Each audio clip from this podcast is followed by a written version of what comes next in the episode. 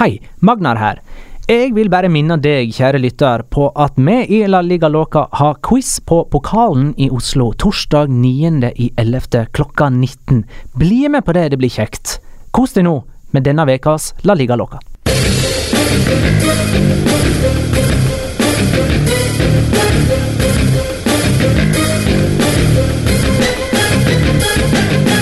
Har du sett? Madrid har tatt over Catalonia og sparka hele den katalanske regjeringen.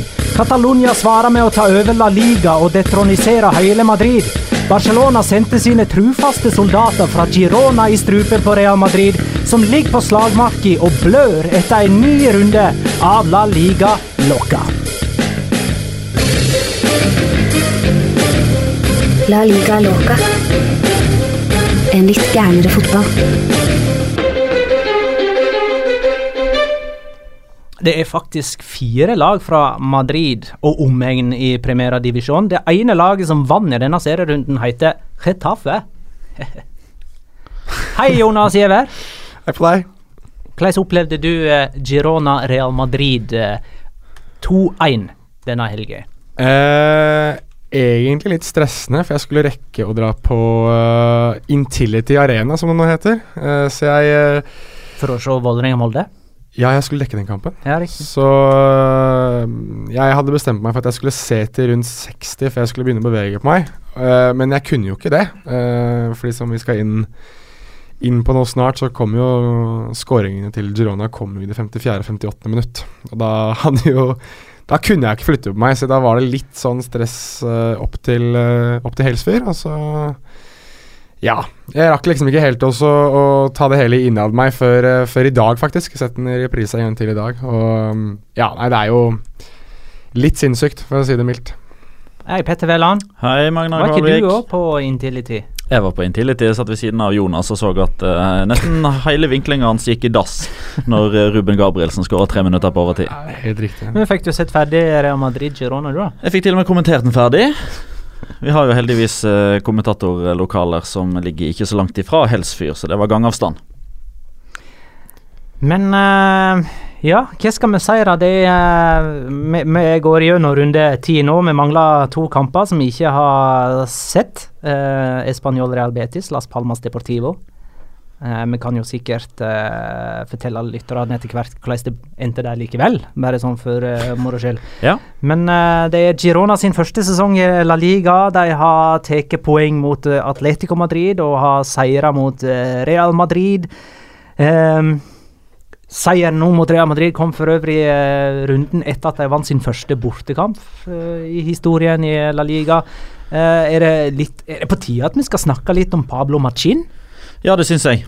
Uh, Treneren til Girona. Han, ja, uh, han tok jo Girona opp, um, og vi ble jo veldig fort kjent med Girona pga. at de spilte den første kampen sin mot Atletico Madrid, så de havna jo i fokus med en gang. Uh, ikke bare fordi de møtte Atletico Madrid, men også fordi de gjorde det veldig bra mot Atletico Madrid. Christian Stuani skåra to mål, de leda 2-0. Uh, Griezmann ble utvist. Allikevel så holdt de ikke hele veien inn, og de fikk uh, da i hermetegn bare uh, ett poeng. Men da presenterte de seg jo med et brak, og, og de kom jo med denne trebackslinja si med wingbacker med ja, to sentrale Det er 3-5-2 vi kaller dette. Ja, 3-4-1-1-1 altså de, de, har tre stoppere, så har de to wingbacker. Det er greit. Og så har de to midtbanespillere som er defensivt anlagte. Og så har de Borja Garcia, som er deres uh, Isco slash Messi, fri rolle. Så har de Porto og Stuane, som i utgangspunktet er et spisspar. Uh, men de uh, er tilsynelatende ikke så veldig gode venner, for de er aldri i nærheten av hverandre. De, de, de har veldig stor avstand seg imellom, så de er vanskelig å håndtere for stopperparene. Ja, nei, jeg, han har tydeligvis gått mer i dybden på det her enn det jeg har. Det eneste jeg vet, er det at uh, da jeg leste meg opp på, på, Girona før seriestarten, så var det i hvert fall det at det, det er en del av filosofien. 3-5-2, hvis du kan kalle det for Hvis tyskerne, ja, ja. Hvis tyskerne hadde maskinfotball, så har de maskinfotball. Og Akkurat. Jeg mener jo det Jeg, jeg mener jo Ja da, han skal få lov til å blåse ut, Petter. Men uansett så, så er det um, De er vel det eneste laget, tror jeg. Hvis du går inn på Uh, altså Plantia, lista, laglista deres på hjemmesiden deres, er vel de det eneste laget som har uh, keeper, forsvar, midt, midtbanespillere, spisser og vingbekker som en egen kategori. Så det er jo det er uh, tydeligvis at det er noe som er uh, de skal spille på, noe som har gjort at de er der de er i dag. Og når de vinner 2-1 mot Real Madrid, så, så, er vel det en suksessoppskrift. Så de, ja, de, de kom jo da først i fokus mot Atletico Madrid, uh, fordi de var Hei, kult lag! Kul formasjon, kul trener. Tok poeng mot Atletico Madrid. Eh, og så eh, kom de òg i fokus mot Barcelona, eh, til tross for at de tapte 3-0. Eh, men det var det jo pga. at da eh, valgte jo da eh, Machin å sette Pablo Mafeo ja. som frimerke på Messi. Maf Pablo Mafeo kom vel mer i Ja, men det var, Jo, jo, men så klart. Men han er jo Girona-spiller. Og da fikk Girona fokus. Og det var Girona-treneren som bestemte at sånn skulle det være. og så kommer de i fokus igjen nå, fordi de slår Real Madrid som det første nyopprykkede laget siden 2008. Så de har virkelig benytta muligheten sin i rampelyset til å forsøke å bli i rampelyset og få folk til å uh, bli interessert i hva denne katalanske klubben holder på med. De framstår jo som offensive, uredde. Går ja. i strupen på Real Madrid. Var, var ikke det nesten sånn at Real Madrid la om formasjon underveis for å tilpasse seg? Ja, De måtte jo forsøke å ta grep, fordi det som de forsøkte fra start av, det fungerte jo ikke. Uh, og jeg synes den den endringa fungerte jo ikke. Fordi det trøkket kom jo aldri imot. Jeg syns det var helt fortjent at Girona vant. Mm. Uh, vanligvis, altså når, når, Real Madrid har sklidd på bananskallen eh, tidligere, så har man liksom sett på det som arbeidsuhell. Ja. Fordi man har hatt så mange avslutninger, man har hatt så mye ball, man har hatt så mange corner og store sjanser at man tenkte at Ok, denne gangen så tapte de poeng. Hadde de spilt denne kampen på nytt igjen, så hadde de vunnet de neste ni. Det kunne man eh, argumentere Eller man, man, kunne bruke det som argument da, etter hjemme uavgjort mot Levante og Valencia og hjemmetap mot Betis. Mm. Så kunne man liksom si sånn Ok, men det spillemessig så ser det likevel ok ut. De produserer sjanser på løpende bånd etc. Det kunne man ikke si etter denne. Ja, det var toppa lag. Ja, kan være halv ute. Uh, ser man vekk fra skaden. Ja, de, de, stilte topp av det de hadde tilgjengelig. Det hadde de. Og Varan måtte av, men jeg føler jo uansett Det er jo to i stolpen før de får de to målene sine også. Det er jo selvfølgelig den der vanvittige sekvensen før Isco sin scoring, og så har de jo en til i stolpen etter det også. Det er jo et lag som de vinner jo De vinner jo fotball på å spille sin stil, da. De tør å gå, være troe til sin stil. De ligger ikke dypt og kontrer slik som veldig mange andre lag gjør når de møter uh, i hermetegn stormaktene. De, de, spiller sin egen fotball og tør, og selv når de ligger under, så tenker de at ja, ja, vi må Nå prøver vi. Og det gjorde de jo egentlig også mot Barcelona. De tapte jo de tapte på selvmål da. Eller, altså de, ja, de, to første målene var selvmål. De to første var, var selvmål, og selv da også var de oppofrende og morsomme å se på, synes jeg. Og så var de Litt uheldige, og så var det klasseforskjell. Her var det, altså her jobbet de seg tilbake inn i kampen. Og jeg synes nesten at Real Madrid sånn De blir jo kjempa ut av stilen. Det, det, beviser jo med at de må endre taktikken sin og formasjonen, men, men jeg synes altså de viser en såpass vilje til å vinne da, og angripe og prøve å virkelig sjokkere Real Madrid. Det, og det, det, det som jeg syns var så rart med det, da det, det jeg så over statistikken etterpå, og jeg hadde ikke lagt merke til det først De hadde ikke et eneste gult kort før uh, de begynte å selvfølgelig kaste bort tid og rare innbytter. Girona hadde ikke Ja, Girona hadde ikke et eneste gult kort. Så det var, det, altså det var lag som spilte sin egen stil. Var ikke noe kynisk egentlig sånn før mot slutten. Og, og rett og slett, det, var, det beste laget vant. Og det beste laget mellom Real Madrid og Girona denne søndagen her var Girona. Så var det litt morsomt uh, at etter kampen så slapp jo TV-kameraene inn, uh, altså La Liga sine kameraer, uh, og, og filma den hva skal vi si, takketalen, eller vinnertalen til Pablo Machin. Da. og det var nå i og for seg greit å, liksom, å høre hva han sa, med at her kunne, dere kunne være stolte. Dere liksom er de eneste i Gironas historie som kan si at dere har slått den regjerende europamesteren når vi er i utgangspunktet det minste laget i, i La Liga, men vi klarer likevel å, å få til dette her. Men, men det som var litt morsomt å legge merke til, var at eh, i midten eh, av garderoben så hadde de sånn foosballbord. Det syns jeg var litt kult. Sånn som de hadde i Friends? Yes. Så vet du det. Andreas Holand spør på Twitter hva er våre tanker om Pablo Maffeo, både nå og i framtid. Vi har jo snakka litt om han tidligere, eh, apropos eh, frimerket på eh, Messi. Men eh, fyren er jo en som utmerker seg for hver kamp, føler jeg. Ja, uh, og han utmerker seg liksom på de riktige måtene òg. For, for, man har jo liksom Man har jo eksempler på liksom unggutter som kommer i lyset fordi de gjør eh, dumme ting eller naive ting eller eh, takling og utvisning. Altså Jesus Vallejo som ble utvist i Real Madrid-debuten. Eh, sikkert mange som fikk opp øynene for oi, oi, hvem er det? Pablo Mafeo derimot har jo kommet der egentlig kun pga. de riktige eh, årsakene. Uh, først og fremst pga. Den, den videoen som ble, ble laga av El Dia Despoes etter at han fotfulgte Messi gjennom samfunnet 90 minutter, der, der TV-kameraer da liksom fange opp hva han sier til lagkameratene på benken etterpå. om at liksom han hadde Veldig liksom, stolt. Ja, han hadde liksom dunka borti lagkameraten som satt der og sa Veit du hva Messi sa til meg, eller? Han sa at det var dritt å spille sånn her. Og I tillegg til den der eh, stripa i, uh, i Marka eller As eller hva det var for noe der uh, sånn, Den karikatur Ja, karikaturtegninga mm, ja, der uh, Pablo Mafeo lå mellom Messi og fruen på kvelden. der Messi da måtte påpeke at du, kompis, kampen er ferdig. Ja, nettopp. Men uh, var ikke, var ikke, spurte ikke Messi òg om han var på lån fra, fra Manchester City, ja. City? Ja. Mm. Og det er vel tilfellet? Det er tilfellet. Han, hans første kamp i engelsk fotball var jo mot Manchester United òg, så han er jo en kar for de store anledningene, tydeligvis. Og jeg synes jo kjempesynd på han.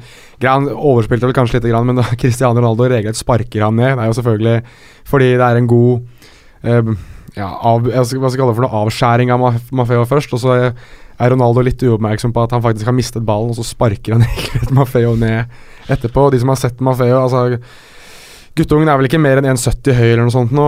Vel, vi har snakket mye om vekta til Odriozola. Jeg tipper at det er rundt samme vekten der. Det er ikke mer enn 60 kilo der heller, tipper jeg. Og Cristiano Ronaldo er en stor mann. Eh, så når du da først fotfølger Messi i 90 minutter, og så blir sparket ned Ronaldo ved annen anledning, så har du gjort et navn for deg, altså. Helt klart. Arve Grøsvik spør jeg. Hvor langt unna er vi at Zidane out trender på Twitter? Ja, vi, snakket, vi har snakket om dette her en del ganger nå. Har vi? Nei, altså, eh, ikke akkurat det, men, men når, hvor, eh, når skal vi begynne å stille spørsmål rundt Zidane? Og Har vi, har vi tatt det opp her? det har vi et par ganger, da. Nei. Det har vi vel? Vi har vel snakka om hvor god han er som trener, og hva som skjer når nedturen kommer. Ja. Og nå Ja, nå kan er nedturen her, sier vi. Ja, nå er nedturen her. Ja, og, og da er Åtte poeng bak Barcelona. Ja, og da er vi i hvert fall i startfasen, mener jeg, hvor vi kan begynne å stille spørsmål rundt han som trener. Nå har jeg sagt at jeg tenker at hvis det går virkelig dårlig i Champions League også, da kommer det til å ringe for alvor på Santiago Bernabeu. Men det går bra der nå, eh, for øyeblikket. I La Liga så, så går det som det går, men, men jeg tror at det, det er Champions League mye står og faller på. Hvis han nå f.eks. taper mot Tottenham i midtuka, da øh, kommer vi til å få veldig mye markaoppslag og asoppslag om at eh, det er på tide, tror jeg, da, eller at de iallfall burde vurdere det. Uh, så det kan være starten på slutten, men det kan også være starten på en ny start. Altså hvis han eh, snur dette nå, så kommer, kommer jo bildet hans til å stå enda høyere enn noen gang. Jeg, tror- jeg tror at eh, La Liga-skipet har, har seilt, men hvis han styrer det inn mot eh, Champions League semifinale og andreplass i La Liga, så tror jeg han lever til neste sesong òg, for å si det sånn. Ja, in interessant det der. Eh, for du mener at La Liga-skipet har seilt? For Madrids del, ja. Real Madrids del. Ja. Ja. Du tror det er ferdig? De kan ikke vinne? Nei, jeg tror ikke det. Nei. Interessant. Og aldri klart det før. Åtte poeng bak. Har vel aldri snudd det. Nei, stemmer det. Det er helt riktig. Tror du at de kan snu det? Jeg tror det ikke, som at det er 50% Jeg tror ikke det er sannsynlig. Men, jeg, men, jeg, men jeg tenker som så da, hvis Real Madrid kan avgi ti poeng på ti kamper, så kan Barcelona gjøre det òg. De kan få en formknekk, de òg. Ja. Hva skjer hvis Messi blir skada? Og så tenker jeg at eh, Det er jo en klisjé, da, men, men, men folk sier jo, eller fotballtrenere generelt, altså med en press sier jo at en fotballsesong er som en maraton. Det er 38 kamper, og ti av de er spilt. Og selv om eh, altså på Færder-seilasen, og hvis, eh, hvis 30 av eh, Færder-seilasen er er unnagjort, og de ligger det som da tilsvarer ti poeng da, foran båt nummer to, så er ikke løpet kjørt av den grunn. Nei, det er ikke kjør... Altså Fordi det er såpass lenge igjen, tenker jeg. Nei, men Ingen av jeg, klassikerne er spilt ennå. Jo, men kan ikke jeg få stille dette spørsmålet til vår kjære lytter litt annerledes? Arve Grøsvik. Ja, gjør det. Altså, eh, hvor s- overhengende er faren for at dette er Zidane sin siste sesong i, eh, som Real Madrid-trener? For der er det Altså, jeg tror ikke han får sparken i løpet av sesongen. Nei, jeg tror ikke. Men den vurderingen som kommer etter sesongen, den er der. Eh, basert på hvordan resultat. Altså sånn Nå sitter Petter og smiler. Ikke, trof Ja, men- jo, men- ikke trofé i Liga, ikke trofé i Champions League. Er det nok med Copa del Rey-trofé? Nei, i utgangspunktet så er det ikke det. Grunnen til at jeg sitter og smiler, det er jo at eh, Zidane har forlenga kontrakten til 2020, men det er ikke offentliggjort ennå.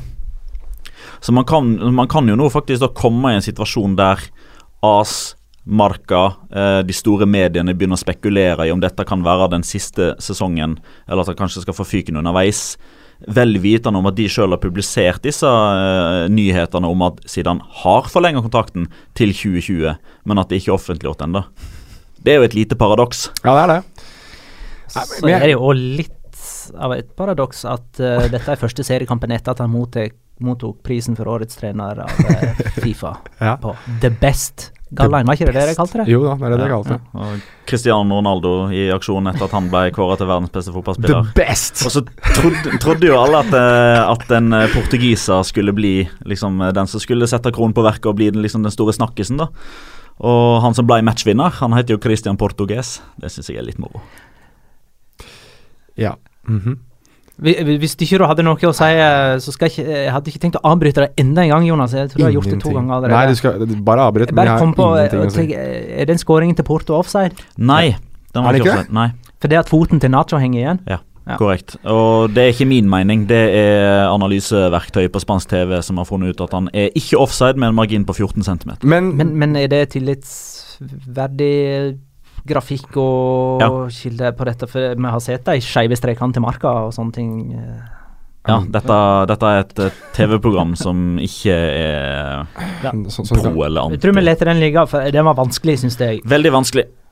Men da oppsummerer vi altså For det er selvfølgelig mange Real Madrid-supportere som sikkert fortsatt uh, mener at det er offside, men da har vi, kan vi på en måte da definitivt si det var ikke offside? Ja, altså Nå har jo ikke Altså Jeg kan jo ikke si 100% sikkert at uh, dette stemmer, fordi jeg har ikke vært til stede i det rommet der denne analysen har blitt utarbeida. Men altså, et analyseverktøy er jo nøytralt. Det fins jo ikke et subjektivt analyseverktøy. Nei, men for all del, jeg bare mener Men det er jo mennesker som opererer med det. Men vi får bare, Ja. vi får bare ha tillit til mener, mener den den, streken der. Jeg har sett Men, den streken er, men, men om det er offside i så tilfelle, så er det med en centimeter sant, eller er to. Man kan ikke kappe huet av en assistentdommer for Det det. kan vi ikke, det er helt enig med deg i, men jeg mener i den grad vi har diskutert det, at Real Madrid-sportere mener at de ikke får Eller at de andre lag får uh, avgjørelser i deres favør osv., så, videre, så bare spør jeg. Det er ikke, det er ikke mer enn det. Men Ronaldo og Benzema står med til sammen to mål i årets uh, La Liga. Paulinho har tre. Der kom han. Det er Det er flere som har påpeka det på eh, Twitter òg. Da, da vi spurte tidligere i dag om de hadde spørsmål til oss, så måtte vi snakke litt om eh, Paulinho sin eh, statistikk. Det mener både Simen, som kaller seg fotballfantast på Twitter, og eh, Magnus Stavne, som for øvrig òg påpeker at Paulinho har skåra tre mål på 349 minutter, mens Ronaldo har ett mål på 450. Mm. Så all den tid vi kan snakke om sånt, så må vi liksom gjøre det. Men kan jeg få begynne med rett og slett uh, spørsmål Når skal vi begynne å si at Barcelona er kanongode? Når de begynner å være kanongode. Ja, men søren, de har tatt De 28 er av 30 veldig poeng. solide. Det er de, og de imponerer resultatmessig. Men det er jo bare tre-fire spillere som faktisk er gode. Resten er faktisk på et middels nivå. Og det kan være nok til at et lag er kanongodt. Jeg, jeg, jeg er enig med Magnar her. Altså jeg, jeg føler også det at eh, i mange år så har den derre Eller etter at Chavio og Iniesta sitt hegemoni på midtbanen, hvis vi kan kalle det det, det europeiske hegemoniet de hadde, så har jeg tenkt at det har vært mye mangler i det, Barcelona-laget foruten de tre på topp. Der har det alltid vært tre vanvittig gode spillere. Kanskje hatt én god forsvarsspiller. Gerard Piquet har som regel vært den spilleren. Kanskje Jordi Alba har hatt en sesong, kanskje en halv sesong. Men det har alltid vært et sånn slags uh, Ja, og Busquets, nå kommer sikkert til å påpeke det, men Busquets også har hatt gode perioder. Men jeg har alltid følt at det har alltid vært de tre på topp som har vært det som har vært uh, tungen på vektskålen, hvis en kaller det det. Altså jeg, Etter Guardiola, mener du nå, eller under han nå? For, Nei, etter, etter Guardiola. Etter, Etter Guardiola. Spes, spesielt Xavi forsvant, og Iniesta har for blitt under eldre. Guardiola så hadde de jo dette her altså, ja, men- så, så var jo retorikken rundt Barcelona at det var liksom bare så utrolig velsmurt lag. Ja. Eh, og man kunne liksom bare Man kunne nesten sette ut på Kleis Elvar som helst. Alle bare forsto fotballfilosofien så godt, og filosofien var i seg sjøl overlegen alle motstandere. Ja. Men det inntrykket har jo falt, da. Ja, Men, er, men, men, men jeg, jeg må jo spørre, da. Altså, Er det kun jeg som Jeg vet at Petter er uenig med meg, for, for det her har vi prata om tidligere. Men den treeren på topp er, altså de, de er i en så Når Man ser det kanskje ikke like godt nå, ettersom Neymar ikke er der og Suárez kanskje har begynt å falle litt fra. Og Det er jo også litt interessant da at det kanskje bare er Messi igjen som virkelig virkelig er god i, i den treeren foran. Men har ikke de siste par sesongene, selv når de vant trippelen under Luis Henrique, så mente jeg at det var den, den treeren på topp som på mange måter gjorde det for dem. Det var ikke noe sånn Jeg sa det ikke var noe sånn wow over noe som helst av det laget der, jeg. Egentlig. Jeg, jeg har ikke vært uenig i det. Du er uenig med meg om at, at du, du, Hva var det du sa for noe? Vi snakket om det her. Du sa det at eh, nå så er det ingen som, er, ingen som ser spesielt gode ut, men da så var det var, at de var bedre. Jeg vet ikke, jeg husker hva du sa for noe. Eh, Hæ? Vi snakket om dette her for litt siden. Og da snakket vi Definer litt. En uke siden. To uker siden. Et eller annet sånt noe. Da sa jeg at det ikke var MSN som gjorde at Barca var gode. Nei, du sa at det var de som gjorde de gode, men at de på midten og de i forsvaret, de var bedre i hvert fall enn de som eh, er nå. Nei, jeg har sagt at midtbanen ble neglisjert under Luis Henrique. Ja, ok, greit. det er det De det du spilte mener. bare gjennom. Ja, Spilte over, spilte forbi. Ja, greit. Da har jeg misforstått det Ja. du sa. Det er lov. Ja. Det jeg mener med, med min karakteristikk av Barcelona nå, er altså det, det går jo ikke annet å si at et lag som står med 28-30 mulige poeng i La Liga og 9 av 9 mulige poeng i Champions League Det går ikke an å si at de ikke er gode og solide. Men de har ikke vært kjempegode spillemessig. Det syns jeg ikke de har vært. I veldig mange av kampene så har Ter Stegen hatt mange kjempegode redninger. Samuel Omtiti er en bjørn bak der, og Lionel Messi er verdens beste fotballspiller. Det er det som gjør at Barcelona er kjempegode resultatmessig. Det er ikke fordi de har et kjempegodt kollektivt. Busquets er ikke i nærheten av å være på toppnivået sitt. Rakitic får mye kritikk, André Gomez får mye kritikk. Sergi Roberto skal fram på midten han for at han skal være god nok, men Semedo får ikke spille. Uh, Piquet tenker mer politikk enn fotball for øyeblikket. Jordi Alba er god når han er skadefri, men han er inn og ut av laget. Deolofeo leverer enkelte målpoeng her og der, men mister ballen oftere enn uh, en han klarer å skape ting. Suárez i sitt livs dårligste form som Barcelona-spiller. Og likevel så tar de 28 av 30 mulige poeng. Messi, og Håkon Nordengen spør hvor god er egentlig Ter Stegen? Det var altså Håkon Nordengen som spurte. Og det syns jeg er et godt spørsmål, for det at når man snakker om verdens beste keepere, så er det fort uh, De Gea, uh, Neuer, er ikke nå lenger. Courtois kanskje, Uh, Jan Oblak. Jeg Ja. føler liksom Buffon har alltid vært der. Buffon Jeg føler liksom Ter Stegen blir bare sånn skyvd lenger og lenger bak, for at det, det kommer et nytt navn som ikke er Ter Stegen, og så kommer det enda et nytt navn som ikke er Ter Stegen. Men nå, hva- men nå hva- Skal tar ikke han snart opp på topp tre? Jo, nå er han i ferd med å ta Ter Stegen. Å, herregud. Du ødelegger Du ødelegger det. Åh! Sånn, unnskyld. Jeg måtte. Men det, det, det var verre enn Marcin-fotball tidligere i Du podkasten. kaster Men, stein i glasset, Susanne. men uansett eh, jeg, er det det at han har tatt steget, eller er det bare det at vi først nå merker hvor jævlig god han er? det er, Nei. det er det jeg tror. At eh, Det er først nå, når han blir testet så mye, at man kanskje da må begynne å rangere han opp blant de eh, topp tre i verden. Fordi det har jo vært litt det med Barcelona, det at keeperne keeperen har ikke blitt testet så altfor mye. Eh, kontra veldig mange andre keepere, sånn som David De Gea i Manchester United. Hadde ikke vært rangert som en av de verdens beste keepere hvis ikke han hadde blitt testa i så mange sesonger på rad. Eh, Manuel Neuer er en litt sånn rar greie, for han tror jeg nesten har fått mye av, av uh, Mye av honnøren fordi at han har vært så mye mer enn bare en keeper. At han er liksom Mesque un portero, som kanskje Barcelona ville kalt han. Men uh, altså, han har flyttet, flyttet så mye Der! Der snakka vi artig ord. Der. Det var ikke så dum. Da har jeg så dårlig humor. Nei, men, og det samme, det samme går for, for Buffon, at dette er keepere som i større grad kanskje har blitt testet. og mange mente at Noyer revolusjonerte keeperplassen å stå på midtbanen osv. At det kanskje er derfor han har fått så mye eh, honnør. Nominert til gullballen som første keeper siden Hvem da? Lev Yashin på 60-tallet eller noe sånt nå. Um, så jeg mener, men jeg mener nå Nå er det vel kanskje grunnlag for at han er en topp fem, snart tre. Jeg, jeg tror at det er ganske vanskelig å gå, gå vekk fra Oblak og De Gea akkurat nå. Men mener du at, uh, at Ter Stegen får Altså Du sier at den blir testa mer. Altså Får han flere skudd på seg denne sesongen enn eksempelvis Ah, forrige? nå kommer det vel et statistikk da på at det er feil. Nei, men eh, det, nei, det skal jeg ikke bruke noen statistiske argumenter verken for eller mot. Men faktum er at på dette tidspunktet forrige sesong så hadde han tolv baklengs. Nå har han tre. Det er jo fordi han er bedre. Han gjør flere redninger. Han har høyere treffprosent. Han har utvikla seg spesielt som skuddstopper når, når skuddene kommer fra distanse. Ja. Du skulle ikke bruke statistikk, men så brukte du statistikk.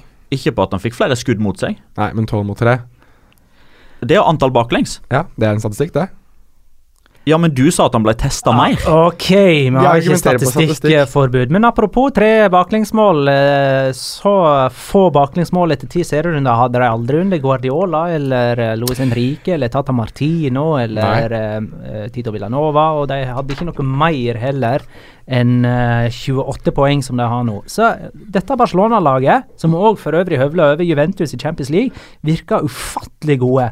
Og Dembélé er skada. Truls Melbæk lurer på hadde vel Verde andre taktiske ideer før Dembélé ble skada? Altså, var det 4-3-3 det gikk i da òg? Før Dembélé måtte eh, kaste inn håndkleet? Ja, det, det er jeg ganske sikker på. Fordi eh, altså Valverde kom jo inn på et tidspunkt der MSN fortsatt var en trio. Mhm. Og så ble N fjerna, og alle var liksom snakk om at det må komme inn en ny der. Eh, og det, det er jeg ganske sikker på at han ble, eh, om ikke direkte sitert på under en av pressekonferansene etter Neymar, så snakka han iallfall om at vi, vi må finne en løsning på dette som gjør at det ikke blir for drastiske endringer. Eh, så, jeg- så jeg tror nok at Valverde i utgangspunktet så for seg at det skulle bli Messi, Suárez, Dembélé. Eh, og et, altså, For alt vi vet så kan det jo være en form for blessing in disguise da, at eh, Valverde har sett seg nødt til å se etter, andre alternativer som da faktisk har fungert veldig bra resultatmessig. Og da begynner jeg å lure på, er det nå Jeg har jo ment det ved et par anledninger, at de kanskje skal begynne å hylle Kanskje Valverde er den store stjerna sånn foruten Messi i det laget her, egentlig. At de endelig har funnet en trener som ja, på mange måter er litt mer taktisk kapabel, da. Jeg, jeg, men, jeg mente at Luis Henrique manglet en plan B, manglet uh, en annen vei eh, når, når hans plan A ikke fungerte. Og plan A var da gi ballen til de tre foran. Om ikke det fungerte, så hadde de egentlig ingenting annet å gjøre. Tata Martino tror jeg aldri virkelig slo gjennom med spillergruppa. Det virket ikke som han hadde noe særlig gehør. Tito Villanova hadde nok klart det, men nå er det den en gang så at eh, han, han var ikke til stede nok, sikkert. da. Det var med, med alle disse syke Disse tragiske sykeoppholdene hans. Og, så han fikk liksom ikke ordentlig fotfeste, og så skjedde jo det som skjedde med han. Eh, dessverre så er han ikke med oss lenger. Og, og da må vi tilbake til Guardiola. Sist gang man fant en trener som, som hadde såpass eh, gehør, og som tilsynelatende også hadde såpass stor taktisk forståelse over lengre tid. da. Og det virker som om det at det kanskje det har blitt en Har ikke vært lang tid ennå, da. Skal sies. Nei, nei, det har ikke vært så lang tid, men jeg føler at vi har kommet ti serierunder. Da kan du begynne å bedømme det lite grann. Mm. Og når du, tendenser, i alle fall. ja, og når du sitter med 28 poeng av 30 mulige og full pott i Champions League, så Og laget, da. altså Vi har jo sittet her og er, alle, er enige om at det laget her har kanskje enda mer å gå på. Har kanskje ikke vist seg som det laget vi hadde håpet vi skulle se i år. Når de fortsatt klarer å prestere, da tror jeg vi må begynne å snakke om at det kanskje er treneren som er den store stjernen. At han får det best ut av det han har. Og da, og da igjen må vi se på spillere som Nå har vi nevnt han veldig mange ganger, både som hakkekylling og som en slags renessansemann i, i Paulinho. Kanskje han er en slags oppsummering av dette Barcelona-laget. At han er Det har kanskje ikke sett så bra ut på papiret, men når det først går ut, og, går ut på banen, så ser det mye bedre ut, og det gir resultater. Sevilla er neste motstander for Barcelona. Det blir eh, eh, neste rundes eh, storkamp. Det er på kamp nå. Lørdag klokka 20.45. Valencia vant igjen. Slo Alaves borte 1-2. Ja. Alaves ligger vel nederst nå med hva er det? En, det er tre, tre poeng. tre poeng har de. Uh, og Valencia er fortsatt det eneste laget ved siden av Barcelona. Eller altså Valencia er det eneste laget ved siden av Barcelona som har vunnet på bortebane denne runden, før de to kampene som uh, gjenstår. Og så er det the usual suspect, da. Suspects. Sasa og Rodrigo. Kan vi begynne å kalle det Ni og seks mål. Kan vi si tradisjonen tro på den, eller? Nå begynner det å nærme seg en tradisjon. 15 skåringer på Sasa og Rodrigo Moreno. Det Ja. betyr at det er like mange mål som uh, Luis Suárez og Lionel Messi som, som spisspar. Ja, det er uh, imponerende tall, og, og Sasa har vel nå skåret i de seks siste, vel? Åtte mål på de seks siste kampene sine. Uh, Rodrigo med skåring i seks av de sju siste. Sju av åtte hvis du tar med Spania. Ja, mm, nettopp. Uh, så det er jo tydelig at de har funnet noen klare målgarantister. Når vi, mens vi er inne på en, en trenereffekt, da, så har vi jo snakket om Marcelino-effekten og Marcelino Magic og alle mulige andre begreper du kan komme på. Og Her vinner de faktisk på en dårlig dag også. Dette, dette, jeg synes Valencia så ubegripelig dårlig ut i tider. Uh, Carlos Soler var dårlig. Uh, Gonzalo Geders var elendig. Uh, de manglet uh, Parejo på midten. Um, så jeg mener det, det, blir, det, blir, vanskeligere vanskeligere å, å ikke tenke at kanskje, kanskje, at det er en sesong hvor Valencia skal gjøre noe litt uventet. da. Um, jeg, sy jeg, synes, jeg, synes, at det ser til tross for at laget ikke spiller bra i en kamp som det her, og klarer å ta tre poeng, uh, er uh, Nei, Jeg vet liksom ikke. Jeg klarer ikke å finne ordene til, til Valencia. På både gode og dårlige dager. Ja, og det, ikke det, det som er liksom styrketegn? Jo, og det er vel altså det, Selvfølgelig, det er tidlig å si, men er ikke det gjerne et sånn, eh, sånn symbol på en mulig tittelutfordrer eller en som skal være med hele veien inn? At du, du vinner selv på dårlige dager. Og Marka, Marka, hadde jo en fin overskrift. Altså, no, altså Valin, Valencia vinner sjøl som et storlag. Altså, de, de, vinner som et storlag. Altså, ja. På en dårlig dag så klarer ja. de likevel å vaske fram tre poeng. Og det, Nå har de vunnet seks på rad òg, det har ikke skjedd siden januar 2007.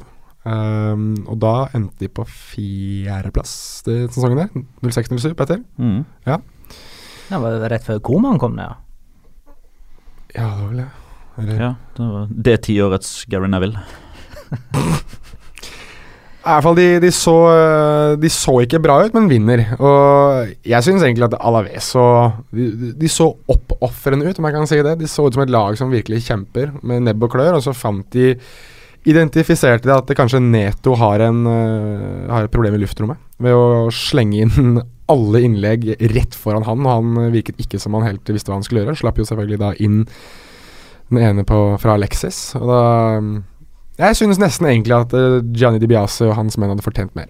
Du, uh, det er mulig vi har snakka om det før, men Audun Røren spør nå i alle fall om Peter Lim er rett eier for Valencia sånn i et sportslig perspektiv, eller tenker han liksom business og, og salg til sommeren? Det jeg lurer på, er, er, det sånn at vi kan liksom sette vår lit nå til Peter Lim, for har ikke det vært litt sånn opp og ned med han?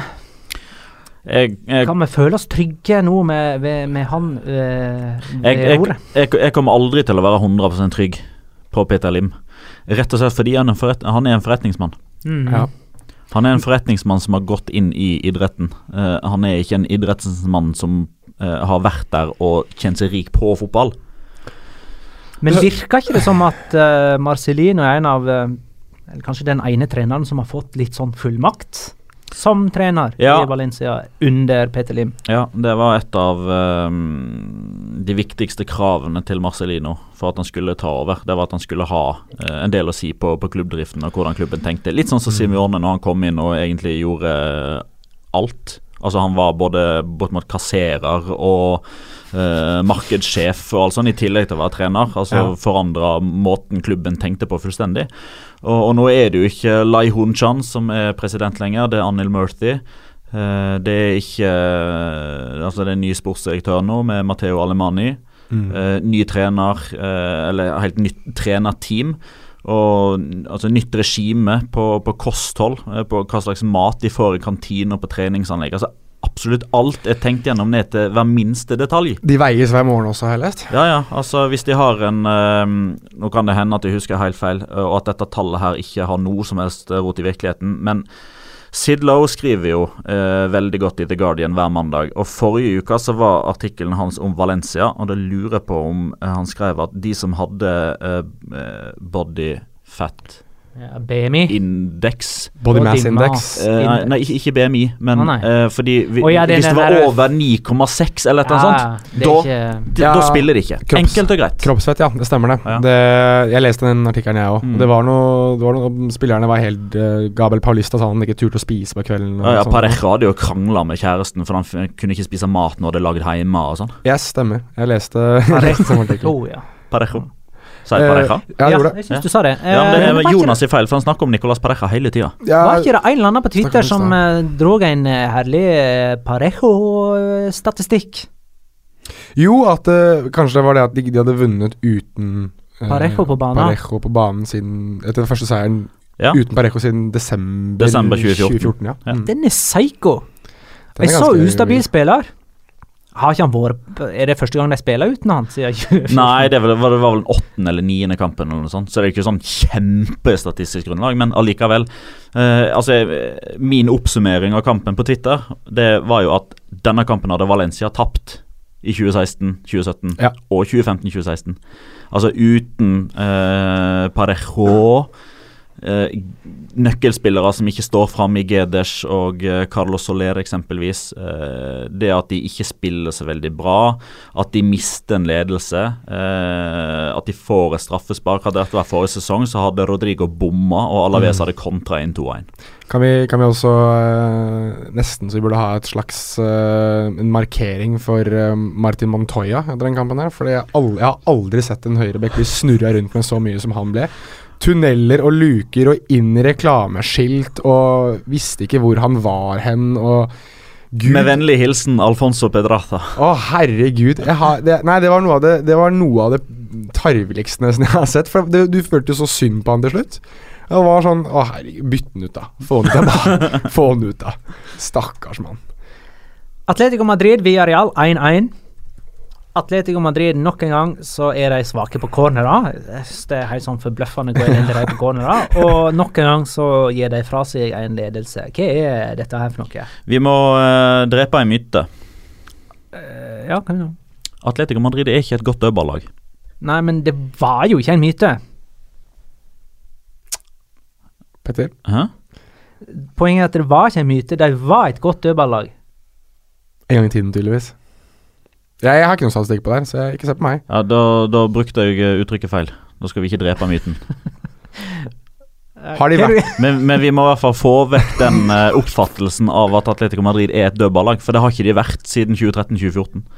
Og da, Men da var de så sinnssykt gode at det har hengt ved de siden. Ja, men det er jo Det, det er jo en slags uh, En myte Det er en myte at de er gode på dødballer. At de er si. det nå. Ja. De ble Ja. kjente som det, da. Kan, Så vi den, si. kan, vi, den myten kan vi si det? Men hva kjent liksom? Er, det? er det bare eh, Er ikke de taktisk sterke nok på eh, dødballer? Er ikke de fysisk sterke nok på dødballer? Var det for at dere hadde Miranda den De hadde sesongen? Miranda, de hadde Mm. Diego Costa. Ja, kan januar komme fort nok for eh, Atletico Madrid? Det er det jeg- Det er akkurat den tanken jeg har satt meg etterpå også. At eh, jeg synes de mangler en veldig klar målskårer, jeg. For jeg, Griezmann skårer ikke mål lenger. Og de, de, altså jeg, hvem er toppskårer, Petter? Hvor mange mål har han? Angel Correa med fire. Ja, ikke sant? Eh, jeg synes ikke det er nok for et lag som Atletico Madrid, som skal være med og kjempe opp i toppen. Jeg vil jo tro at de hadde hatt én klar toppskårer uh, i Griezmann, i Gameiro, uh, kanskje til og med Correa med et par til, jeg vet ikke.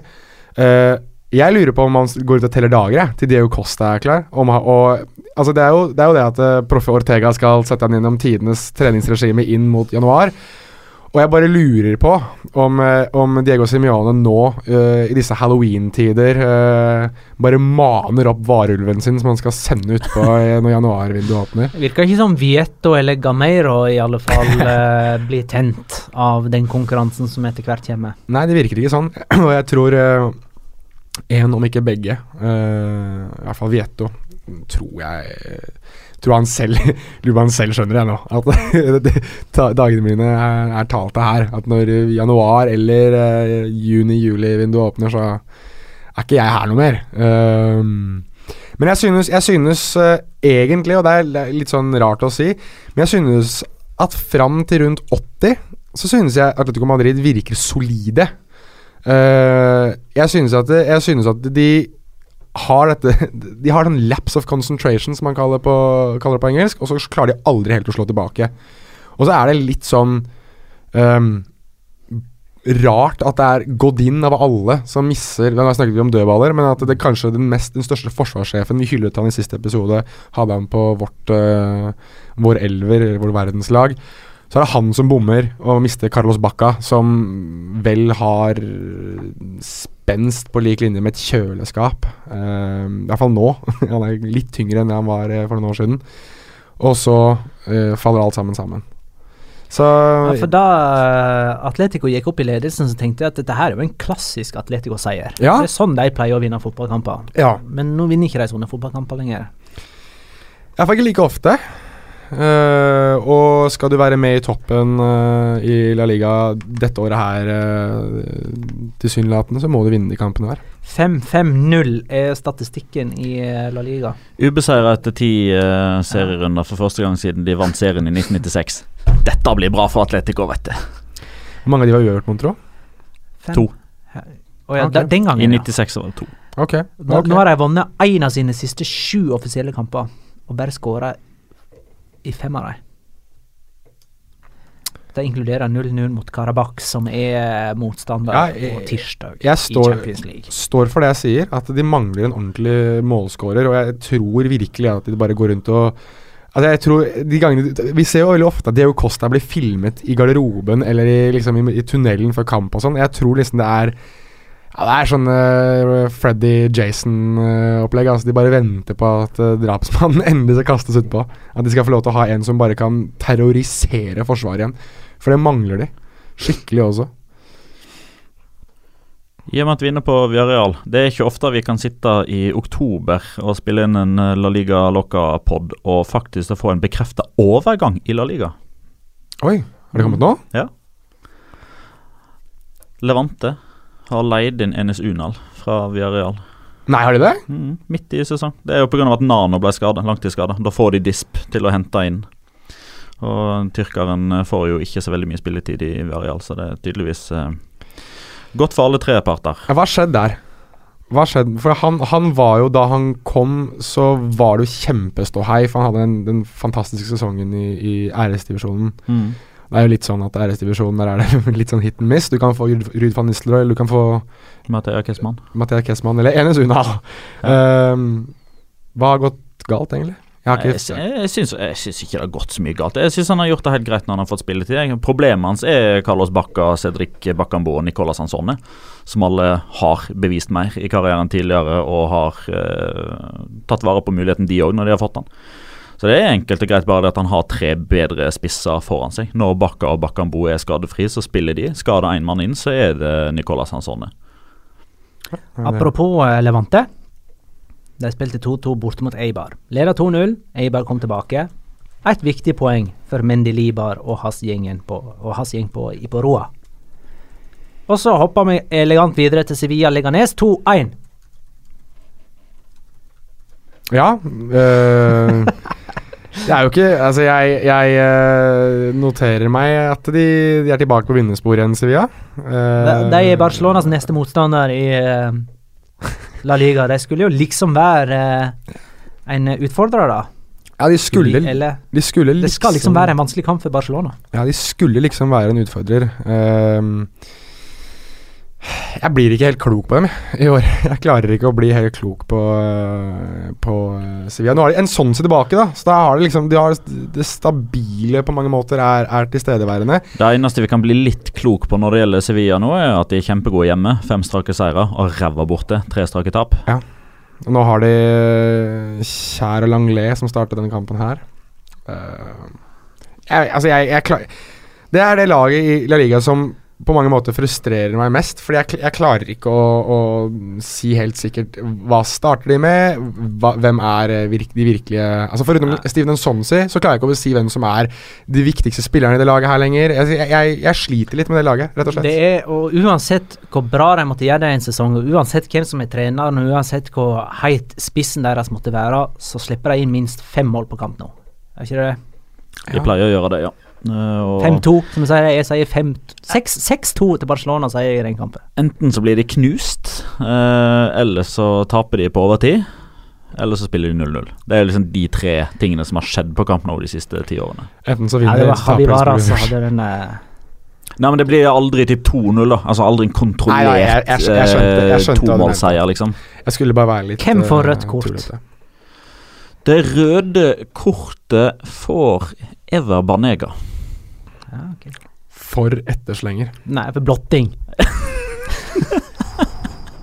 Han viser ræva til dommeren. Skal vi inn på en god gammeldags Så dårlig er det Så dårlig som dette her er du, sier han til dommeren, og så flekker han shortsen. Skal vi inn på en Banega-historie, er det vi prøver på her nå? Eller skal- kan han, kan, han Det har vi ikke tid til. kan han kjøre bilen sin over sin egen fot igjen, eller noe sånt? da? Det hadde Det vært er litt vanskelig å gjøre det i kamp, da. Tja, det er vel Banega. Alt kan gå. Leganes uh, gikk hvor mange kamper uten eh, baklengsmål? Fem, før de slapp inn mot uh, Sevilla. Ja. Ja. Så det kan de i alle fall Sevilla henge i taket med stolthet. Malaga Celta Vigo 2-1. Malaga sin første seier. Juhu! Has Mitchell been fired yet? Ja, det spør No. styrmannen på Twitter. Svaret er nei. Nei, Hashtag nei. Det. Og den, Malaga feira som om de hadde vunnet sin første kamp, og det hadde de jo. Og Det som var morsomt, her var at det var sønnen til Mitchell som skåra 1-0. Ja, jeg syns det er vakkert. Adrian. ja, det var Den største hakkekyllingen i, uh, i Malaga. Han får jo uh, Altså Han starter jo på, på, med, med 20 meter tillegg. Han må løpe over en ekstra hekk i tillegg, eh, bare fordi han er sønnen av sin far. Det, da er det deilig at det er han som på mange måter graver de ut av uh, rennesteinen. Og uh, i Resio ble vel også det var, Han ble jo utvist, men var det han som ble buet av banen? Eh, eller ble pepet mot Nei, gikk ikke han og grina han da banen Han gikk der, grinende av eh, banen, da han ble utvist. utvist. i forrige Eh, heimekamp? De som vel Så har fått grein han vel litt nå òg, da han skåra på straffe. Ja, Ja. det gjorde han vel òg. Alle, alle grein. Alle, alle griner. Men de som vel har først, fått mest tyn fra fansen, da, bortsett fra Adrian, det er vel Havi Ontiveros pga. at det har vært sånn disiplinære problemer, og Juanpi fordi han har vært så dårlig. Ja, ok. Med Ja, mindre jeg husker feil. Det skal vi jo ikke utelukke. det var i hvert fall hyggelig å se at de vant en fotballkamp. Ja, altså eh, Celta Vigo får ha meg unnskyldt, men akkurat de 90 minuttene der på eh, La Rosaleda denne søndagen var vakre. Jeg syns Ja. det var pent. Til og med fra før avspark, når bussen Malaga-bussen kom til, til stadion og, og fansen sto og jubla de eh, velkomne. Og gjorde det etter, når, da han reiste etter kampen òg. Og så er det verdt å, verdt å påpeke det at uh, At Pione, Pione Sisto med ny assist, som da er han seks, vel, som, uh, sammen med Guardado. Da er de topp uh, Det er en danske som leder ren statistikk i Eller er det leder av en statistikk, da, i La Liga. Så det er jo litt moro. Retafe Real Sociedad 2-1. Real Sociedad tapte på tross av at de leda før pause. Ga fra seg den ledelsen. Og fremdeles, eh, når jeg ser Chetaffe-kamper, så eh, Det som slår meg først og fremst, er at det er folk på Coliseum Alfonso Perez. Er mer folk enn tomme seter. Ja, det er faktisk litt sånn ehm, Litt rart. Ja, hva skjedd eh, og litt der? deilig. Plutselig så sånn bryr folk seg om Chetaffe. Ja, ja. Fins det noen eh, grunn til, til det? Ja, Det må jo være at de har et litt mindre trist og grått lag nå, da, enn hva de hadde i hvert fall forrige gang de var oppe. Da hadde de jo liksom ingen profiler. Eh, nå er det jo litt synd for de da at de har mista Gakko Shibasaki med skade, for han var liksom artisten. Men de har, eh, de har spillere som man fort får et forhold til. Altså der, Jené Dakonam, Uh, har jo annet blitt en publikumsfavoritt av den enkle grunnen at han tar toget til og fra trening og kamp. Stemmer det. Uh, var det Bred Brede Hangeland ble vel så godt likt uh, i, Crystal Palace. i, i Crystal Palace og i Fulham fordi han gjorde det. Så det er åpenbart det at fotballspillere som bruker kollektivtrafikken til, uh, til jobb, i stedet for å kjøre Porsche og Ferrari og Lamborghini, de får stjerner i boka. La Liga Loca finstuderer. Nordin Amrabat.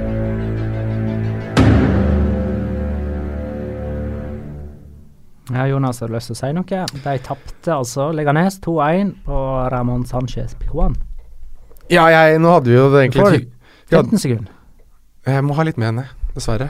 Vi, jeg vet at det, du skal få lov til å himle med øynene, men nå hadde vi litt hyggelig her, da, og så skal vi inn på, på dette temaet. Og, og eh, det er ikke, Jeg skal prøve å gjøre det så kort som overhodet mulig, men, Ja, men, eh, men eh, vi snakker om Vi snakket sist gang om at han er en krigselefant, denne Nordin Amrabat. Og denne kampen her, mer enn noen andre kamp Petter eh, har da lyst til å vise meg morsomme bilder underveis. Um, jeg, jeg, jeg legger i hvert fall merke til i, i det 23. minutt så har Amrabat eh, da eh, gjort klart å gjøre seg til, til Escuderos verste fiende. Uh, på et tidspunkt her så har han da fire Sevilla-spillere rundt seg.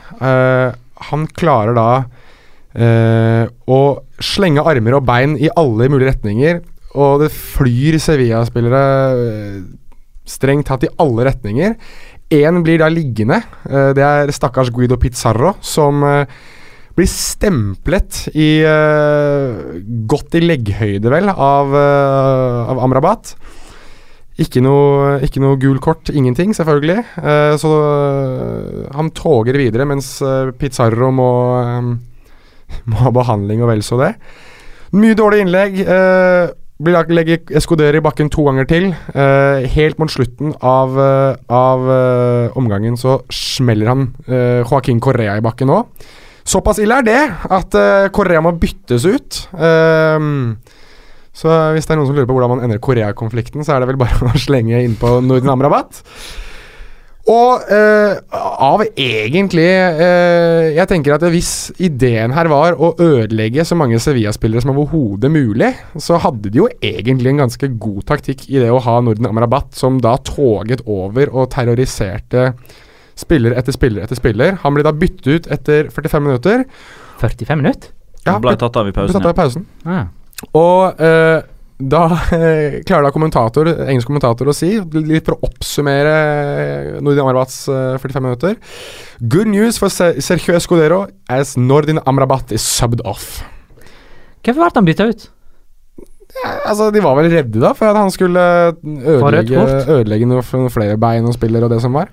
Han var, altså, i, Hvis det er noen som noen gang har lurt på hvorfor han eh, omtales av meg som krigselefanten Nordin Amrabat, så er det å se disse 45 minuttene her.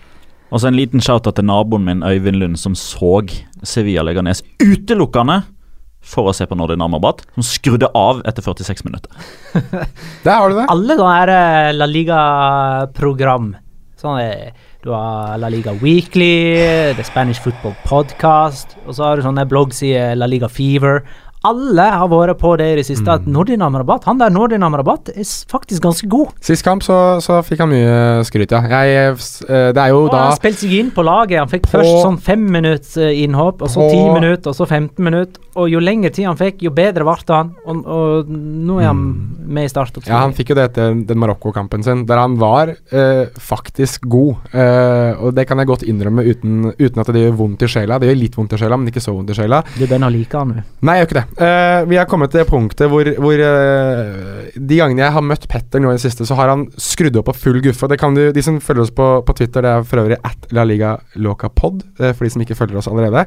Der, eh, der har Petter lagt ut en video av eh, sekvensen fra Er det Spanish Football Weekly? The Spanish Football Podcast. The Spanish Football Podcast, der eh, det snakkes i varme Varme trekk, holdt jeg på å si, om, eh, om Nordin Amrabat. Eh, og det han hadde, en, Greit. han hadde visst en uke, da. Ferdig. Uh, Jeg tenkte de siste minuttene skulle eh, rett og slett dedikeres til spørsmål fra lyttere. Ja, gjør det. Uh, og Alexander BM Privat, jeg tror han kaller seg på Twitter, han spør er det mulig å slutte med den Nordin Amrabat-spalta. Svaret er nei. Så går vi videre. Greit. Kristian Sæstad spør jeg, kan vi prate om topp tre spennende spillere, skråstrek talent, i La Liga? Ja, jeg kan godt prøve på det. Det er jo mye spennende talent, da. Nå må Petter fram med oversikten sin. Vi har jo allerede snakka om Mafeo. Teller sånne som er på lån fra andre serier. Ja, det syns jeg. Og vi har jo allerede snakka litt om Carlos Soler, som bare er 20 år. hvis vi skal snakke om en, om en Valencia-spiller fra denne runden her, så må jo Andreas Pereira, som er på lån fra Manchester United, også nevnes. Han var jo ikke noe god, han. Syns jeg ikke han var så dum, jeg. Den, Men han er god. Vi snakker Ja. ikke nødvendigvis om Ja. denne runden. ja, han var jo en, han var en av de mer fremtredende for Valencia den kampen der, vil jeg mene. Hadde vel assisten til Sasa, blant annet. Ja. Alvar Odrio Sola er jo helt åpenbar her, eh, men kanskje akkurat i skorpa av hva man liksom kan kalle for typ talent. Han er jo 21. Eh, Hvordan er Oyar Sabali så? Ja. 20. Han er absolutt en Der har, vi, der har vi han jeg har som nummer én på min liste, tror jeg. Mm. Eh, fantastisk eh, målfarlig offensiv midtbanespiller. Uh, playmaker. Kan nesten gjøre litt av alt. Er vel, blitt uh, veldig fascinert av eh, Alfonso Pedraza. Uh, og det var jeg før han snurra rundt med Martin Montoya òg. Jeg han, han har et eller annet spennende, for han er, han er, han er ganske røslig av seg. Han er ganske høy. Så ser han li Alaves Ja. uh, litt keitete, men allikevel så har han en sånn egen tendens med at han klarer å komme seg forbi bekken sin hele veien. Eh, han har to eh, treff i aluminiumet. Han har veldig mange innlegg som uh, mottakerne, eh, i all hovedsak Monir El Hadadi, burde ha gjort enda mer ut av. Så han er liksom dark horse der og uh, trer på med nisselue og sier at det er jo engelske klubber som er interessert i han òg. Så Er det det? Det er ikke navngitte, står det. Hvor hen står det det? Marka. As. Ja, jeg får uh, Hva er alderen for talentet? Nei, men jeg tror vi må ta sånn U21-alder. Unai Núñez er jo 20 år, debuterte i La Liga første serie under denne sesongen. Har spilt samtlige ti, forlenga kontrakt. For Atletic Klubb uh, forlenga kontrakten i dag til 2023 med utkjøpsklausul på 30 millioner euro. U20, så er U21 men, men Odriozola er på en måte Han kommer ikke utenom. Ja, han er jo 21, så det Han, går. Han tenk, nei, jeg tenkte på Oyarzabal. Sabal Ja, han er 20, Ja. så han går i hvert Han er liksom sånn bankers. Carlos Soler er 20, så han Carlos er Soler er bankers. bankers på denne lista. Topp tre. Jeg vil, jeg, jeg, jeg, har, Du, har du flere å nominere? Er- Glemmer vi noen? Altså Dembélé. I utgangspunktet er jo Dembélé med her, men han har jo ikke bevist noe som helst i Spania På grunn av at ja, han vi, er må, vi må jo ta med de den, fra denne sesongen her så langt. da Tony Sanabria, da. 21. Uh, Mm. Men jeg er en spisstype som er vanvittig spennende. Maxi Eh, Gomez er 21. Jeg vil heller ha Tony Sanabria enn Maxi Gomez. Det er litt sånn rart av meg å si, for jeg har uh, sunget uh, En Remor 20. Pion hvor gammel er han? Han er 22. Ja, det er han for gammel. Han begynner å dra på årene, altså, han siste. ja, det er over og ut for han nå. Federico Valverde syns jeg er veldig spennende. 19-åring. Og Han har vist seg som eh, Er er det versatile, de sier eh, på Balløya? Fleksibel. Mm. Denne sesongen så har han spilt høyre back, høyre ving, eh, anker, sentral midt i duo, indreløper i en trio og venstrekant. Ja, det er eh, som sagt eh, det, det, det er mye godt talent, da. Eh, jeg kommer Aron Martin er 20, linka Aron til både Martin. City og United. Der har du en. Eh, Vi har ikke kommet til høyrebekken til eh, eh, Real Madrid. Ashraf. Hakimi. Ja, litt tidlig, mann. Jeg syns det er litt tidlig. Jeg syns han er god, og han er spennende. øh, og virker som han har noe spennende ved seg. Som Altså På sikt kan han kanskje bli en Som vi snakket om, at han kunne bli en slags Carvajal-type på sikt hvis han skal på et utlån eller selges til en tysk klubb med tilbakekjøpsklausul f.eks. Så kan han bli spennende, men akkurat nå det er litt tidlig. Hvor mange kamper har han? Tre kamper? Fire kamper? Fire, vel? Ja, det Fem totalt. Litt. Fire eller Liga. Ja, jeg skulle likt å se han øh, Hadde han hatt de ti, da, så hadde Alright. det vært Hvem lander vi på? Oyarzabal? Soler? Soler. Altså Hvis Odrio Sola er med, så er han der. Ja, det er jeg helt enig i. Da har vi to Real Sociedal-spillere. Vi har jo snakka mye om dem allerede. Ja, vi har. vi- disse. Har vi ingen keepere? Ja, det er, er, er Kepa. Gamle Hanna. er 21? Kepa er 23. Ah, okay. Ja.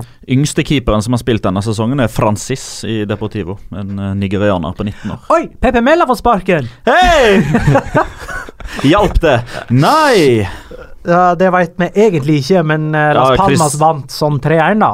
De vant 4-1 i cupen på torsdag, så det har jo allerede starta dårlig. Men uh, ja. Las Palmas Deportivo mandag 30. oktober. ja. Eh, jeg har jo allerede vært ute på verdensveven og anbefalt hjemmeseier, så jeg får jo si eh, 2-0, da. Greit. tar neste spørsmål, som er egentlig litt, litt i samme gata.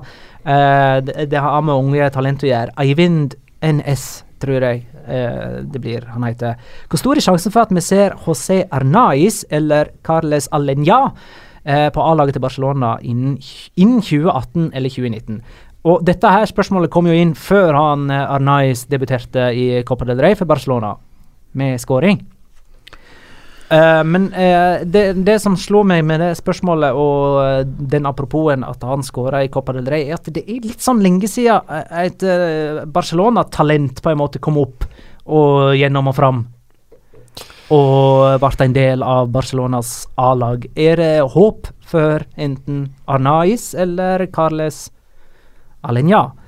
Det blir jo helst deg da, Petter. Hvis du har, har du lyst til å svare, eller har vi, Ja, men- ja, mangler ja. vi litt oversikt på Barcelona B? Nei, altså, det er jo B-spillere. Jo, jo, altså, Jeg kommenterte jo den cupkampen som de spilte mot eh, Real Murcia. Da skåra jo José Arnaiz et, eh, et veldig fint mål. Han hadde i tillegg en sånn Zidane-piruett inn i 16. Le roulette. Uten å bli liksom klemt i en sandwich mellom to Murcia-spillere som kom og forsøkte å ta han fra både venstre og høyre. Eh, da da syns jeg han viste, viste bra ting, men samtidig så var han jo da Da spilte han jo på eh, Eller mot et lag som spilte på et nivå under enn der han vanligvis spiller. Så at han var så veldig god der med eh, lagkamerater som er A-lagsspillere kontra B-lagsspillere, var ikke så veldig verken overraskende eller imponerende eller noe sånt. Ja. Eh, han skåra tolv mål i sekunder for Valladolid forrige sesong, men han, han er jo ikke ung. Han er 23 allerede, Nei, såpass, ja. så han er liksom ikke 17-18 år. Men når er sist gang Når er sist gang Altså, det, det er jo litt sånn Vi det, det er den gullgenerasjonen som Barcelona på mange måter hadde med Xavi, med Iniesta, med Busquets, Piquet, hvis du vil, vil ha han med. Um, jeg lurer bare litt på om vi på mange måter har blitt litt malt av den, jeg. At vi tror at uh, La Masia er så ekstremt bra, men at det var en generasjon litt på lik linje som uh, f.eks. Manchester United på tidlig 90-tallet hadde sin generasjon. At det er én gullgenerasjon. Og så er det, var det egentlig ikke så mange gode som kom etter det. Um, jeg bare lurer litt på om det er litt sånn med La Masia også. Jeg klarer liksom ikke å påpeke noe Det er mange som har blitt hypa opp. Du har Jean-Marie uh, Dongo, husker jeg, som var den nye, nye Messi fordi han skåret så mye på, på Barca B eller for et av disse her uh, hovenillagene. Jeg husker Isa Cuenca i sin tid. Var Adama nevnt. Traoré. Adama. Traoré, som var Monir El Haddadi. Monir El Haddadi. Bojan, Sandro Ramirez. Bojan Kirkic kan man kanskje til og med føye inn en rekke av Alejandro Grimaldo.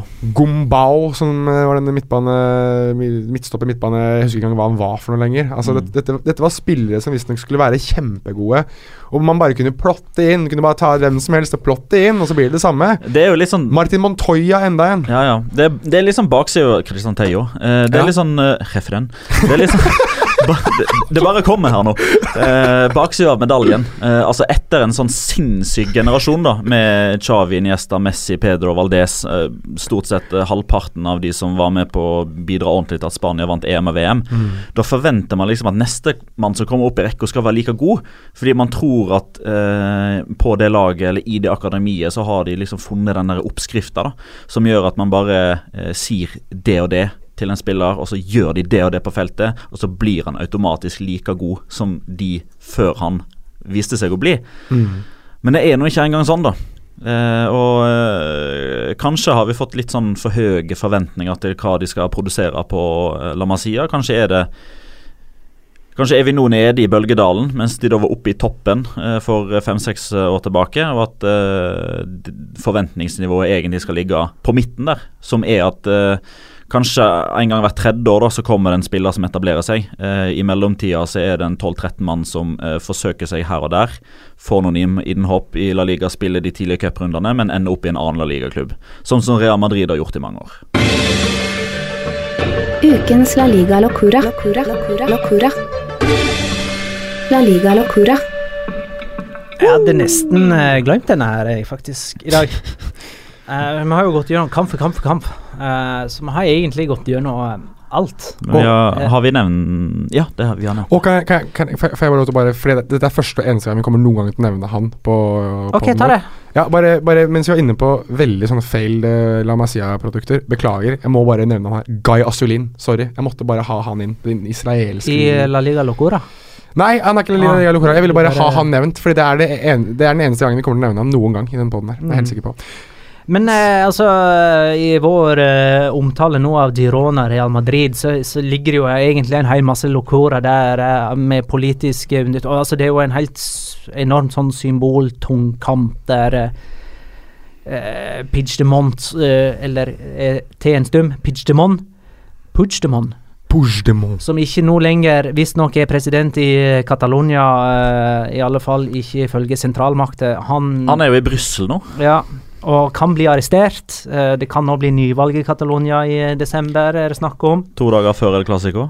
Og han var i si tid borgermester i Girona eh, og hadde eh, sesongkort på Montelivi. Mm. Uh, og tvitra vel etter seieren til Girona at uh, dette er inspirasjon på alle tenkelige plan. Dette kan uh, transformeres til ja, alle områder utenfor fotballen òg. Der underdagen uh, slår unnafra og opp mot sentralmakter, f.eks. Uh, men uh, ja, jeg, jeg tror jeg, jeg tror jeg lar Girona Real Madrid få være min uh, La Liga Locora, jeg, altså. Bare sånn generelt. Ja. Ja. Hele pakken. Jeg, hadde, jeg har et par alternativer. Uh, nå hadde jeg litt det samme som deg. Jeg vet at jeg sikkert laget veldig stor debatt her ved å si at det, var, at det var en internasjonal kamp i Spania den, den helga, hvor du hadde Baskeland representert ved kun baskere i Atletic Club, mot da eh, den nye staten Catalonia, som har erklært seg uavhengige. Det gjorde de jo i løpet av helga. Det gjorde de. Eh, og da var jo De hadde jo erklært seg uavhengige uh, før Atletic Club og Barcelona ble avspilt. Avspilt. Så om man må avspilt, trykke eh, play-knapp. Ja, det de trykker play-knappen. Eller ble sparket i gang, da, kan Ja. vi si. Uh, så da hadde vi jo eh, i teorien eh, et lag kun representert av baskere i Baskeland, som på mange måter er selvstyrt, eller har en større selvstyre enn veldig mange av de andre regionene. Og Catalonia, representert ved Barcelona, som har erklært seg selv som selvstendige fra Spania. Så da hadde du en, eh, en internasjonal kamp, i hvert fall i noen timer, hvis vi kaller det det, eh, innad i den spanske ligaen. Men det var noen katalanske flagg eh, bak det ene målet som ble heva hver gang Barcelona hadde corner. Og det virka som det var en, at det, hører til, det er en seksjon som hører til Atletic-supportere. Er det noen som har synspunkt på det? Altså Virker det som Atletic-fans rett og slett holdt opp katalanske flagg som i en slags eh, sympati med Catalonia? Forbrødring. Ja, det kan jo være. Forbrødring tror jeg nok kanskje er ordet, og den liksom støtten. Altså I feel you. Mm. Det, man ser liksom hele mark man ser markeringen rundt omkring i hele landet. Du hadde, Vi nevnte Resio Recio for Malaga. Han spilte jo med kapteinspinn med, med spansk, nei, ja, spanske, det spanske flagget. Mm. Ja. Og markerer det motsatte, da. ja. Nei, men det er jo fullt mulig. Altså, det er jo to ah, Nå blir det veldig politisk her, men det er jo to regioner som i veldig, veldig, veldig veldig, veldig mange år har kjempet for selvstyre og i hvert fall kunne ha en viss identi... identi altså viss um, Hva er ordet? Identifikasjon, men um, ja, en viss selvstyre kan jeg bare si, da. Sitt, sin egen, uh, sitt eget land, sin egen region, sin egen Identitet. Identitet, tusen takk. Det var ordet, det var ordet jeg lette etter. Takk, takk. Um, og ikke ha fått det i like stor grad. Altså, Catalonia har jo ikke fått det litt fordi at de har en så stor økonomisk gevinst innad i Catalonia. Uh, og uh, mens, mens Baskeland på mange måter har klart å få det, uh, og det har det jo vært litt problemer rundt tidligere, og de har vært litt vært mye debatt rundt om, om Catalonia skal få det på lik linje, og nå har de erklært seg selvstendige. Um, så spørsmålet er jo litt hvor det, her, hvor det hele leder, men jeg synes da at det er litt locora at vi, at vi egentlig i teorien kan nesten argumentere for at det var en landskamp. Uh, I hvert fall et, et lag fra et annet land, Uh, eller to lag som representerer andre skjønner. land. Det, Det er gøy! Det er kjempe... Ja, Jeg, jeg som er Jeg er veldig glad i historie, og Uh, sånne ting som det er sånn som jeg kommer til å notere meg og kunne fortelle om at den helga der, så var det egentlig litt sånn landskampstendenser innad i Spania. Så det er noe for meg. Ja. Uh, Eibar Levante. Jeg tar det litt ned. Ehm, oi, det var himling med øynene. kom igjen, da.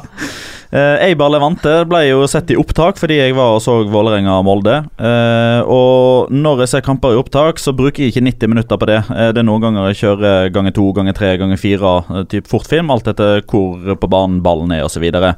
så pleier jeg å eh, kjøre normalfilm når de nærmer seg 16-meteren, eller når det er corner, når det er frispark etc. Eh, på stillinga 0-2, ikke så veldig langt ut i andre omgang, så får Eibar eh, frispark i skuddposisjon. Eh, og ser at det er Anaitz Arbia som skal uh, ta dette frisparket, og velger da å gå opp på hastighet ganger fire, fordi dette her kommer jo ikke til å ende med noe spesielt. Anaitz Arbia setter det frisparket så langt opp under tverrleggeren som det er mulig å få, uh, for å få tverrlegger ned i gresset scoring. Og for de som ikke kjenner Anaitz Arbia, det er litt som at Ellen Hutton eller Kim André Madsen skulle ha gjort det. Det var galska galskap. Var det Hutton som var på Mallorca? Det var Ellen Hutton som var på Mallorca, og det er òg Ellen Hutton som har det desidert kuleste Twitter-klippet noensinne, når han eh, snubler eh, i sine egne bein og eh, 'When your legs don't work like you used to before'. Oh, ja, det, det ja. satt på. Stemmer. Da, da dør du av latter. All right. Ehm, vi har ikke snakket om eh, assisten til Antoine Griezmann. Det var, det var, min, Men- det var min nummer to. Ja. Det var min nummer to. Min, Min nummer to er om tid til sin statistikk i Barca. ja, ta det kjapt. 33 kamper, 31 seire. Uh, uten uh, Omtiti 14 kamper, 6 seire. Oppsiktsvekkende. Takk til alle som påpeker at Zakaria uh, Bakkali er fra Belgia. Ja, vi hadde feil der. Han Petter. er den fjerde belgieren. Vi mente at det fantes bare tre. Eh, mange som har påpeka det. Skal vi bare runde av, eller har jeg lyst til å tippe Champions League-resultatene? Vi tipper. Det er alltid gøy. Olympiakos Barcelona 0-2. 0-3. 0-1. Ok. Atletico Carabac 1-0. 4-0. 1-1. Oh. Tottenham Real Madrid 2-2. 2-0. 2-1. Sevilla Spartak Moskva 3-0. 1-1. 1-2. Tusen takk for at du lytta, kjære lytter. Takk for at du legger igjen kommentarer på uh, de ulike uh, mediumene som, som uh, iTunes, f.eks. Masse fine meldinger der. Gi oss ratings. Følg oss på Twitter at La Liga Locapod. Men du, bare sånn at vi husker det. Torsdag 9. november. Skal du på kino med kjæresten da? Niks. Skal du på middag hos svigers? Nei. Skal du trene? Ikke på kvelden, iallfall. Skal du sette frimerker i albumet? Mm -mm. Du skal være med på quiz med La Liga Loca på Pokalen pub i Oslo klokka 19. Mm.